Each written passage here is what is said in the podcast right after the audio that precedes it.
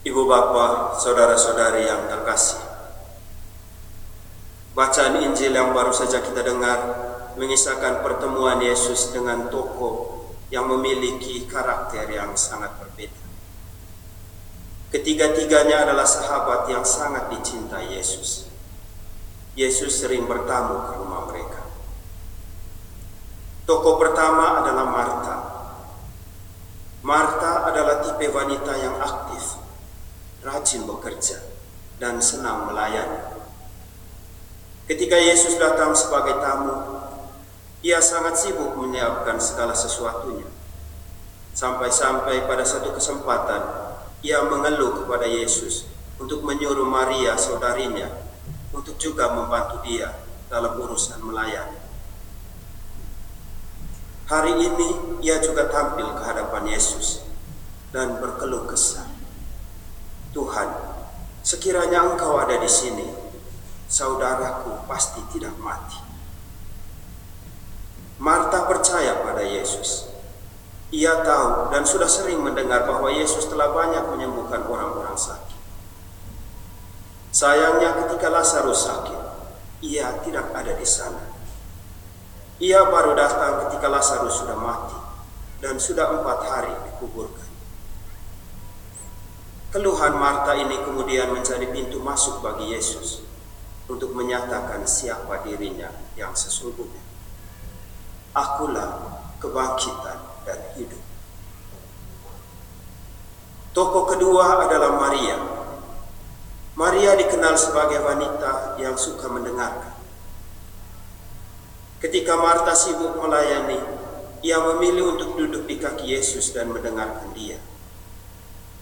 Ia juga dikenal sebagai wanita pemberani yang tidak terlalu peduli dengan apa yang dikatakan orang tentangnya. Ia melakukan apa kata hatinya, tidak terlalu banyak membuat kalkulasi, dan sama sekali tidak takut dikritik dan dikucilkan oleh lingkungan sosial. Ia adalah perempuan yang membasuh kaki Yesus dengan minyak narwastu yang mahal dan kemudian menyekanya dengan rambutnya. Ia dikritik karena membuang sia-sia minyak yang mahal itu yang seharusnya kalau dijual uangnya dapat disumbangkan kepada orang-orang miskin. Tetapi Yesus membelanya karena melalui pembasuhan dengan minyak itu. Allah dipermuliakan. Pembasuhan dengan minyak menjadi simbol pemulihan Allah yang kemudian nyata dalam peristiwa kematian dan kebangkitan Kristus. Dan tokoh ketiga adalah Lazarus. Injil hari ini melukiskan dia sebagai orang mati yang dibangkitkan Yesus. Kalau kepada Marta, Yesus menyatakan dirinya sebagai kebangkitan dan hidup melalui kata-kata. Dan kepada Maria, melalui penggunaan simbol perminyakan. Maka kepada Lazarus, Yesus menyatakan dirinya melalui sebuah pekerjaan yang spektakuler, melalui sebuah mujizat. Yesus membangkitkan orang yang sudah mati dan membawanya kembali kepada kehidupan. Menariknya bahwa pertemuan Yesus dengan ketiga tokoh di atas terjadi di Betania. Betania berarti rumah penderitaan, rumah kemiskinan. Yesus bertemu mereka di rumah ini ketika mereka sedang mengalami penderitaan, mengalami sakit, mengalami kedukaan karena kematian salah seorang saudaranya. Ketika mereka tidak tahu harus berbuat apa untuk menyelamatkan kehidupan mereka.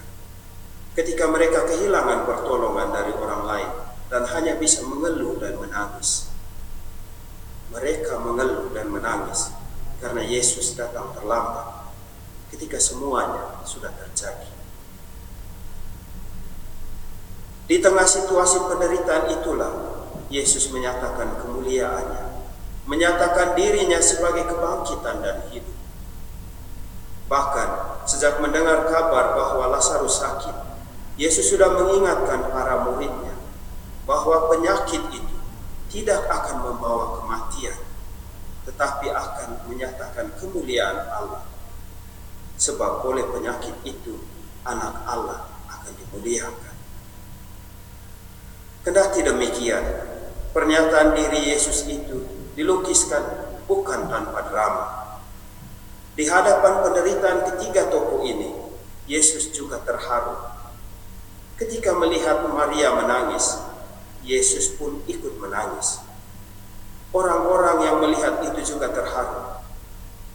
Tetapi ada juga yang mencibir dan meragukan tentang mujizat-mujizat yang dilakukannya sebelumnya dengan berkata, Ia memelekkan mata orang buta.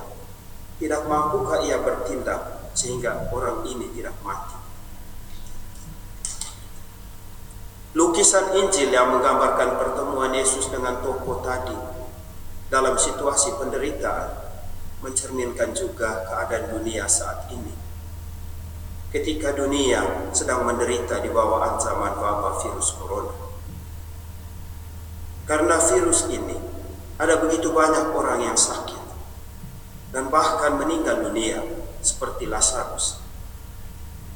Data WHO tadi malam jam 23.43 melaporkan bahwa di seluruh dunia sudah terdapat 657.434 orang yang sakit terinfeksi virus corona dan 30.420 di antaranya meninggal dunia. Di Austria ada 8.223 orang yang sakit dan 68 orang meninggal dunia. Di Indonesia ada 1115 orang sakit dan 102 telah meninggal dunia karena virus ini. Karena virus ini juga ada begitu banyak orang yang kehilangan pekerjaan dan sumber penghasilan hidupnya dan tidak tahu harus berbuat apa. Sebagiannya hanya mengeluh dan menantikan pertolongan dari Tuhan seperti Marta Sebagian lagi hanya bisa menangis seperti Maria dan mengharapkan belas kasih dari orang lain. Namun harus diakui juga bahwa di hadapan virus ini ada orang yang belum secara langsung merasakan akibat-akibatnya seperti orang-orang Yahudi dalam bacaan Injil tadi. Dari antara orang-orang ini ada yang terharu dan turut merasakan penderitaan dunia, tetapi ada pula yang mencibir dan mencurigai sebagai sebuah bentuk rekayasa untuk mengurangi populasi dunia. Kita bisa mengidentifikasi diri kita masing-masing dengan tokoh-tokoh kitab suci tadi.